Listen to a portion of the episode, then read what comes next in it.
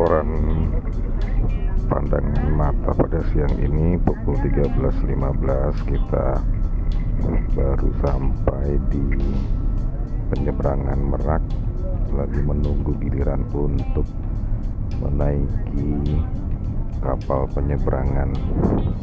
Kapalnya itu bernama Port Link 3